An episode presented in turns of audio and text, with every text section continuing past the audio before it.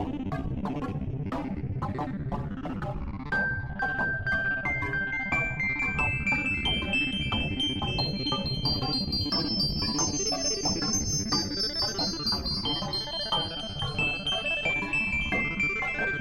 och välkomna till Akademipodden, Sveriges Unga Akademis podcast. Jag heter Tobias Dexell och arbetar som intendent på Nobelmuseet.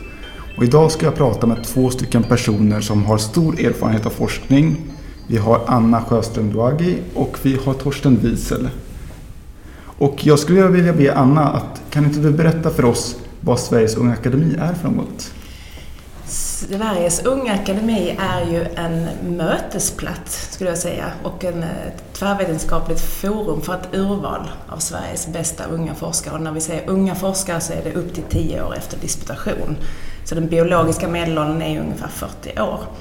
Eh, och det är ju tänkt att eh, unga, duktiga, kreativa människor ska träffas just över ämnesgränserna för att nya, oväntade saker ska hända. Och det gör det. Torsten, jag tänkte fråga lite grann om din bakgrund. Du är född i Uppsala i Sverige och sen påbörjade du din akademiska karriär på Karolinska institutet i Solna. Eh, intresset för studier, fanns det alltid där eller när kom ditt intresse för studier? Ja, det kom rätt sent. Jag var rätt lat i skolan och mer intresserad av idrott och flickor än att studera. Men sen när jag var 16, 17, i den åldern när världens lidande kommer in. Liksom. Ja. Man börjar tänka på livet och, och vad, man, vad som ska, vad det betyder. Så bestämde jag mig för att jag skulle börja plugga. Mm. Så att, eh, och det gjorde jag eh, så jag kunde komma in på, på Karolinska som medicinare. Mm. Och den som stimulerade mig på Karolinska var framförallt Carl Gustaf Bernhard. Mm. Som var professor i nervfysiologi mm. på Karolinska. Och han, eh, han var liksom en person som han satt på, när han höll föreläsning så tog han inte vid en katedral utan han satt på bordet med ben, eh, benen slängda fram och tillbaka. Och, och vi kände oss alla väldigt stimulerade av hans sätt. Han hade ingen text, han pratade fritt. Och eh, han blev liksom en modell för mig på många sätt. I sitt sätt att informella, att vara inte blå, uppblåst utan liksom försöka dela med realiteten. Han är också intressant i att han eh, han hade, Harry Martinsson var en god vän av honom. Så jag träffade dem två, vi hade middag och så vidare. Det liksom gjorde mig intresserad både av vetenskap och kulturella aspekten. Det, det är väl, då, I livet tror jag att det är speciella individer som vi i vetenskap kallar mentor, mentors. Mm. De uh, är väldigt viktiga. Kan man säga att, liksom, att, att han inspirerade dig till uh ditt intresse för just hjärnforskning? Jag växte ju upp på Beckomberga mm. sjukhus, ett stort mentalsjukhus. Finns inte längre men på den tiden var det ungefär 1300 patienter. Mm. Där med olika byggnader och så vidare. Så jag växte upp och lärde känna patienterna och de som skötte patienten. Ja, man, efteråt så tror man att man förstår varför man tar en viss riktning i sin utbildning och varför man blir intresserad men det är ofta av chans mm. eh, som våra liv formas av chans och, och tillfällighet, opportunities, opportunitet. Och jag har alltid tyckt att opportunitet, det ser, en del folk ser det som att man ska bli opportunistisk, det är väl inte bra, men jag tycker man ska vara opportunistisk och se om det är någonting som är intressant och sen utforska det. Ta den tillfället i akt. Och eh, så i mitt fall när det gäller eh, mitt intresse, det var väl som jag sa, det komplicerat genom min uppväxttid på ett mentalt sjukhus och sedan som medicinare mm. uh, så hade jag den Carl Gustaf Bernhard som en mentor som stimulerade mig för att intressera mig i hjärnan och forskning. Men även då så var jag inställd på att bli läkare. Mm. Och jag, hade inte, jag gjorde kirurgi i Sundsvall till exempel och tyckte det var kul.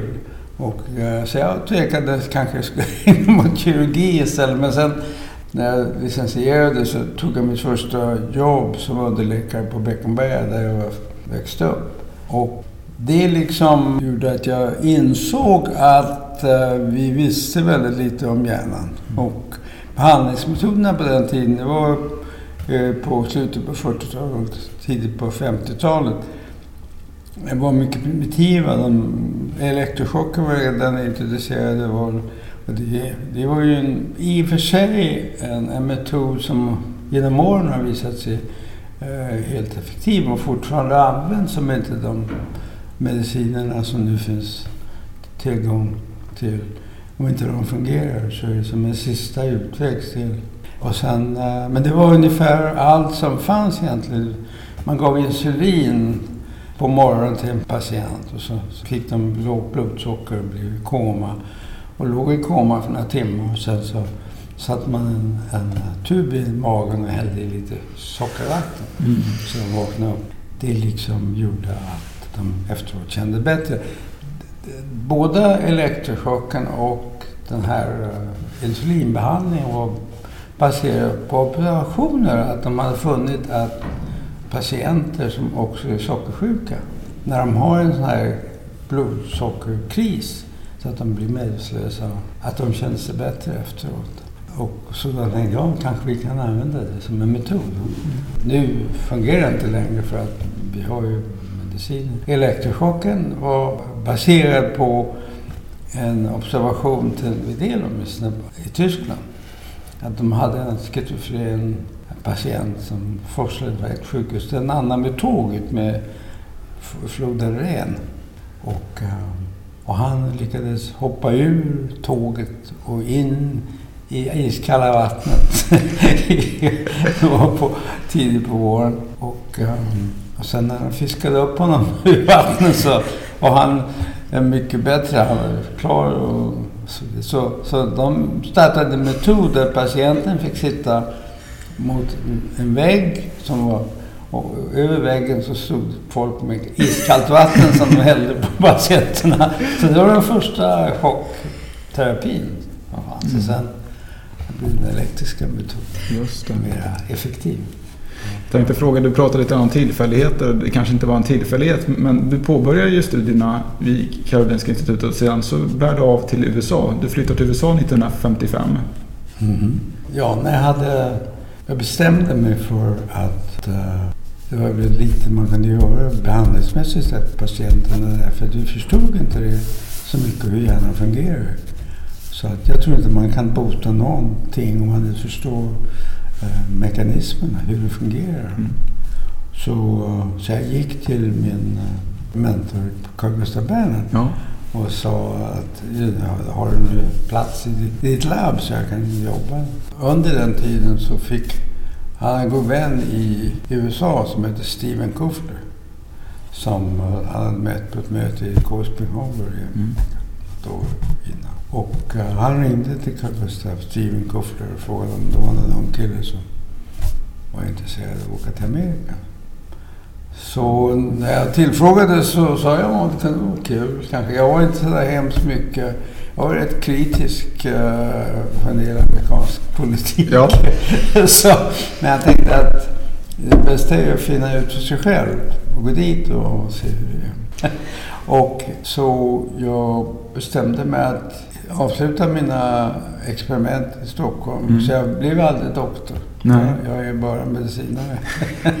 så, så det, jag tänkte på det, jag ska bara bryta in, att eh, du berättade en gång när du åkte att det var, om det tog sju år innan du var tillbaka till Sverige igen första gången du åkte. Att flytta till USA på 50-talet, vi pratar så mycket om mobilitet idag för forskare. Ja. Mm. Det var ganska stort kliv att åka till USA på 50-talet. Att du det var inte så lätt att bara åka fram Nej, och tillbaka och skypa. Jag tog, och... jag tog båt över 55 när jag åkte. Sen kom jag, första min resa tillbaka var 1960, fem år senare med flyg och det tog eh, lång tid. Så det var en stor historia. Dels hade jag inga pengar så det liksom gjorde det svårt också. Man måste ha tur i livet. Va? Mm. Det var ju tur att Carl Gustaf Bernhard hade blivit god vän med Koffler. Jag var äventyrlig, hade nog äventyrslust i mig så jag ville Liksom. Jag var ju 30 år gammal då Mm. så att jag var inte så ung. Men jag har alltid liksom känt mig ung. Mm. Alla andra verkar så mycket äldre. det är så är livet. Kan du säga, för du var med vid uppbyggnaden av den här neurobiologen på Harvard. Kan du säga någonting om det? Jag kom först till Johns Hopkins. Mm. Och där den här killen Koffler hade eh, ett labb. Och vi, eh, jag jobbade där med en annan kille först. Och sen David Jubel, som jag delade Nobelpriset, han kom tre år senare, 1958. Och den första killen jag jobbade med var rätt trist. Mm. Och, och, eh, men jag hade, gjorde en del egna experiment när han var på semester. Så att, men sen när David kom, vi liksom, David Jubel kom, vi hade mycket rent intellekt. Vi hade liksom tänkte eh, och intresserade av frågeställningar som eh, samordnade. Framförallt tror jag eh, folk tar vetenskap för, för allvarligt. Jag tycker alltid, David och jag hade alltid kul. Vi liksom såg på det hela och vi var mera som upptäcktsresande. I vetenskap idag måste man ha en hypotes. Och man ska visa att den hypotesen är rätt eller fel. Och det tycker jag är så dumt. Mm. För är, man ska försöka se vad det är och sen försöka lista ut hemligheten. Hjärnan har ju många hemligheter. Och det är för oss att som vetenskapare försöka hitta dem. Jag gissar att ni hade kul när ni visade katter lite olika bilder man skulle titta på. Ja, så, så det är väl det är, den, tror jag, det viktigaste. Att man inte låser in sig i ett regim av hur man ska göra vetenskap. Mm. Utan man har, eh, känner sig fri. Att, så att eh, David och jag jobbade ihop ett år på Hopkins och sen eh, flyttade vi till Harvard. Mm. Men det märkliga är att eh, när vi började så, så hade vi väldigt primitiv sak. Vi hade en gammal slideprojekt. En väldigt enkel Mm. sak och en tavla som vi satte, klistrade på papper. Så att, eh, men vi gjorde våra största upptäckter redan med det. Mm. Första halvåret. Jag tror att, återigen, folk är, tror att man måste ha det mest dyrbara apparatur och rum ska vara fint, allt sånt där. Men eh, vi, vi hade ingenting egentligen. Vi hittade saker och gjorde- började. Så det, det är väl en, en annan aspekt av vara fri att göra saker och ting. Därför att om du spenderar miljoner för att bygga upp en apparatur så måste du använda, Så måste du använda den apparaturen. Du kan ju inte bara eh, slänga bort den. Så att, att, att istället så fungerade vi arbetade så, så vem vi sen behövde någonting för att kunna få svar på en fråga som vi ställde, då köpte man ny apparatur. Mm. Och i och med att man då hade också gjort några upptäckter så var folk villiga att ge pengar för att kunna göra det. Mm. Så, så Harvard var intresserade av att vi flyttade dit därför att vi hade gjort en del observationer som var intressanta. Och Steve Koffler var ju också, vi flyttade med honom till min mentor. Han var min andra och väldigt mycket viktiga mentor. Mm. Du tilldelades ju Nobelpriset i fysiologi eller medicin 1981 tillsammans med just David Mm, Jubel. mm. Alltså, kan du säga någonting om ert samarbete? Hur såg det ut? Hur viktigt är det med samarbete? Ja, jag har alltid tyckt att eh, David var mycket mer begåvad än vad jag. Och han, han var väldigt...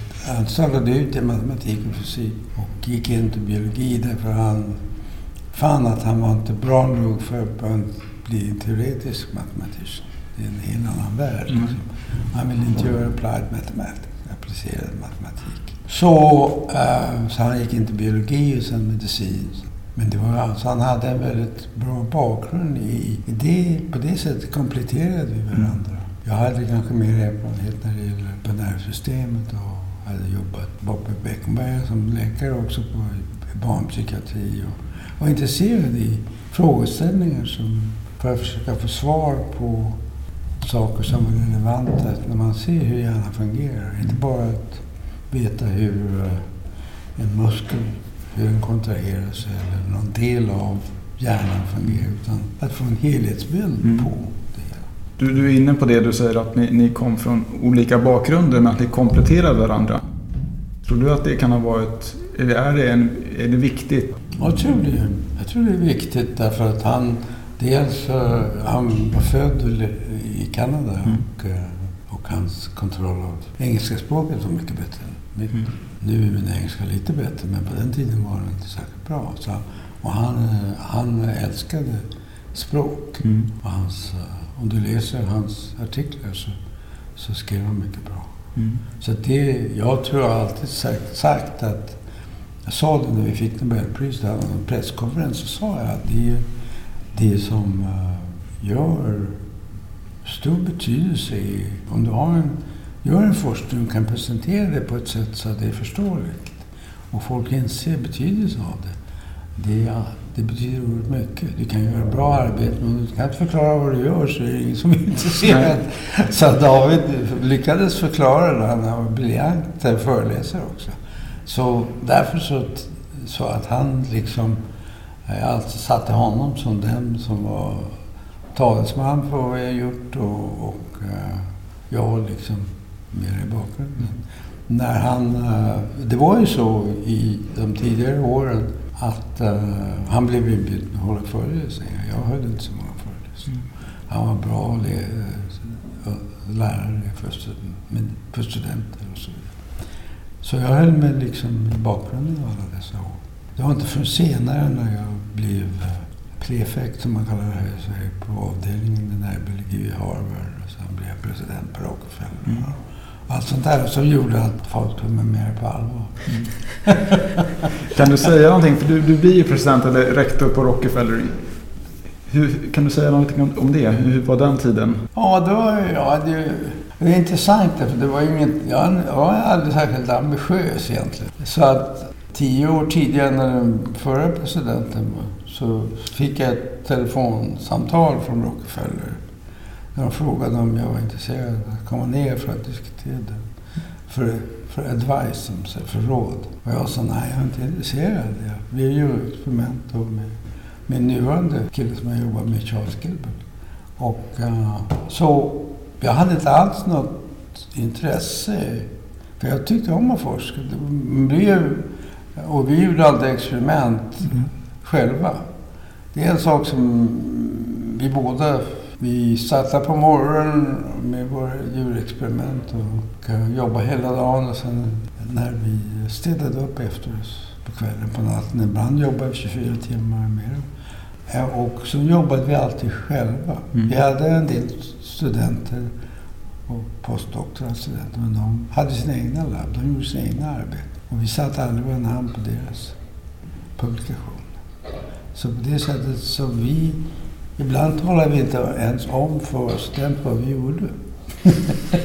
Därför att vi hade ja, en känsla av att om man talar för mycket om vad man ska göra så så förstör man liksom det, den oskulden av idén. Va?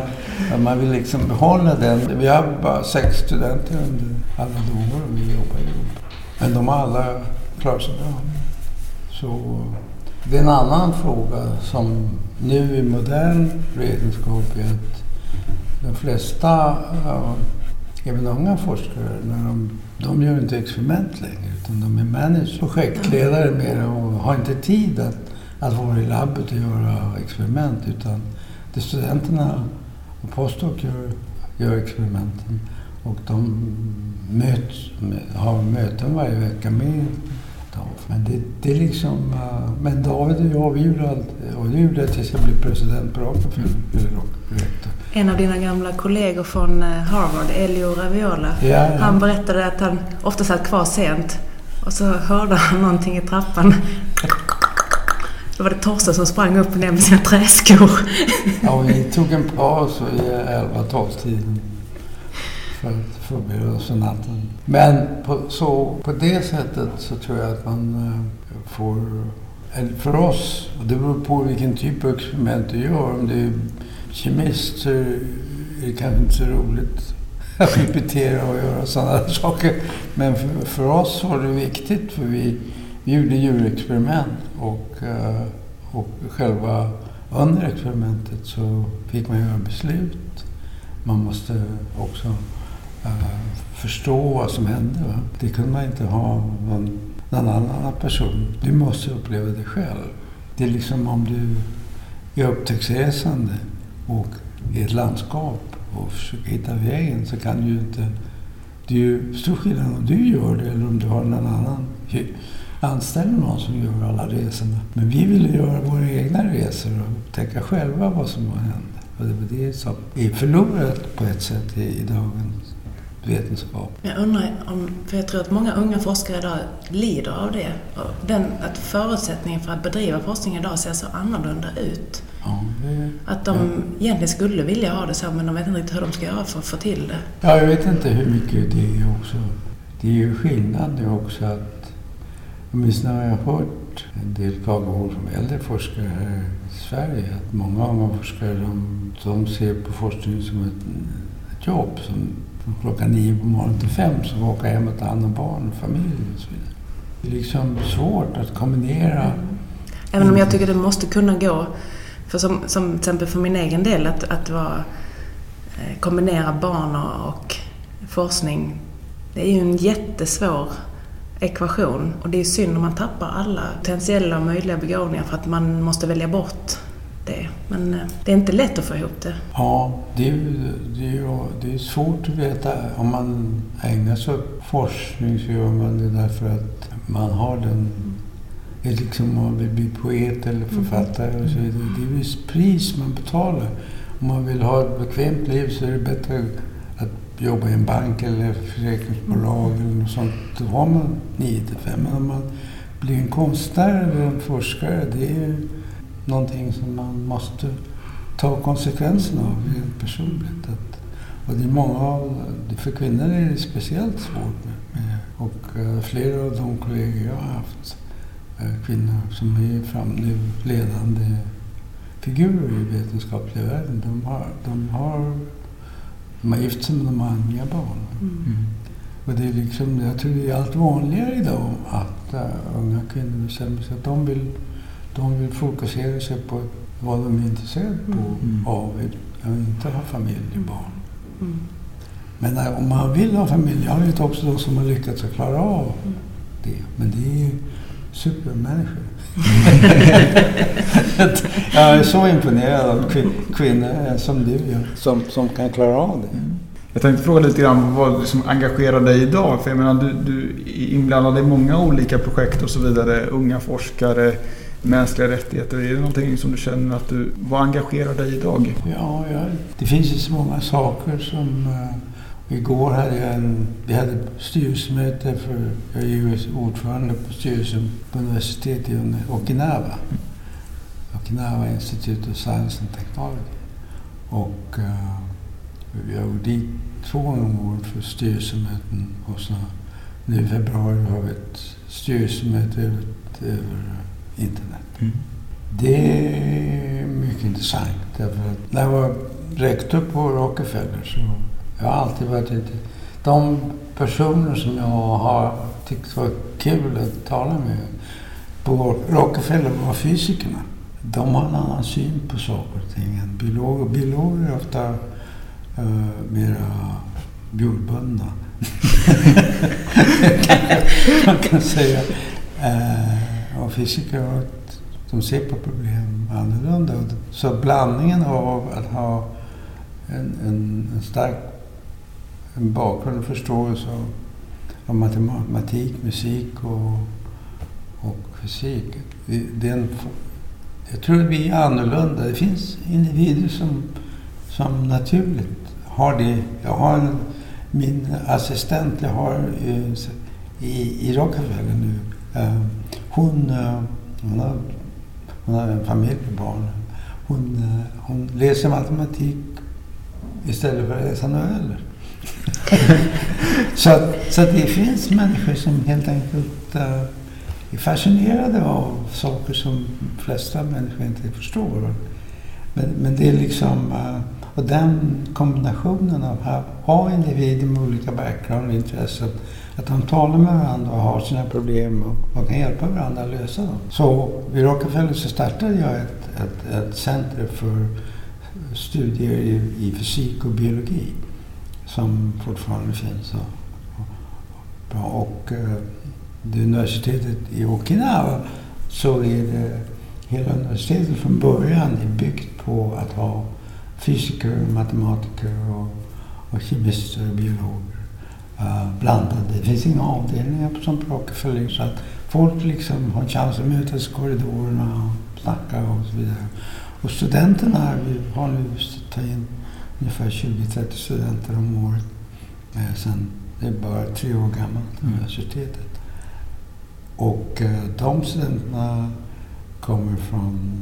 Universitetet har en, som regel att minst 50 procent av fakulteten och studenterna ska vara, icke vara japanska. Så det är internationellt. Och språket är engelska. Fakulteten är åtminstone från tio olika länder. Uh, europeiska, Amerika, Indien, Kina och så vidare. Japan. Och studenterna är från, jag tror det är 40 olika länder. Så du har en intressant blandning med kulturen, de som är där, studenter och fakultet. Och deras expertis är, också annorlunda. Den blandningen vet man inte vad det leder till. Men studenterna måste rotera. Så måste rotera i olika avdelningar. I fysik och biologi och kemi. Så som student så spenderar jag tre månader i labbet och försöker lära sig vad de gör. Där. Så, ja, flera studenter har ändrat sig. Mm. De ville bli, göra fysik istället för biologi och tvärtom. Så det, det är liksom... Uh, vi vet fortfarande, får man, det är bara tre år gammalt som jag sa, så, så vi vet ju ännu inte om det kommer leda till intressanta vetenskapliga upptäckter. Men, men chansen är, tror jag, ökad genom att man har dylik blandning, förståelse och kunskap. Anna, jag tänkte fråga dig, kan du berätta lite grann om din bakgrund?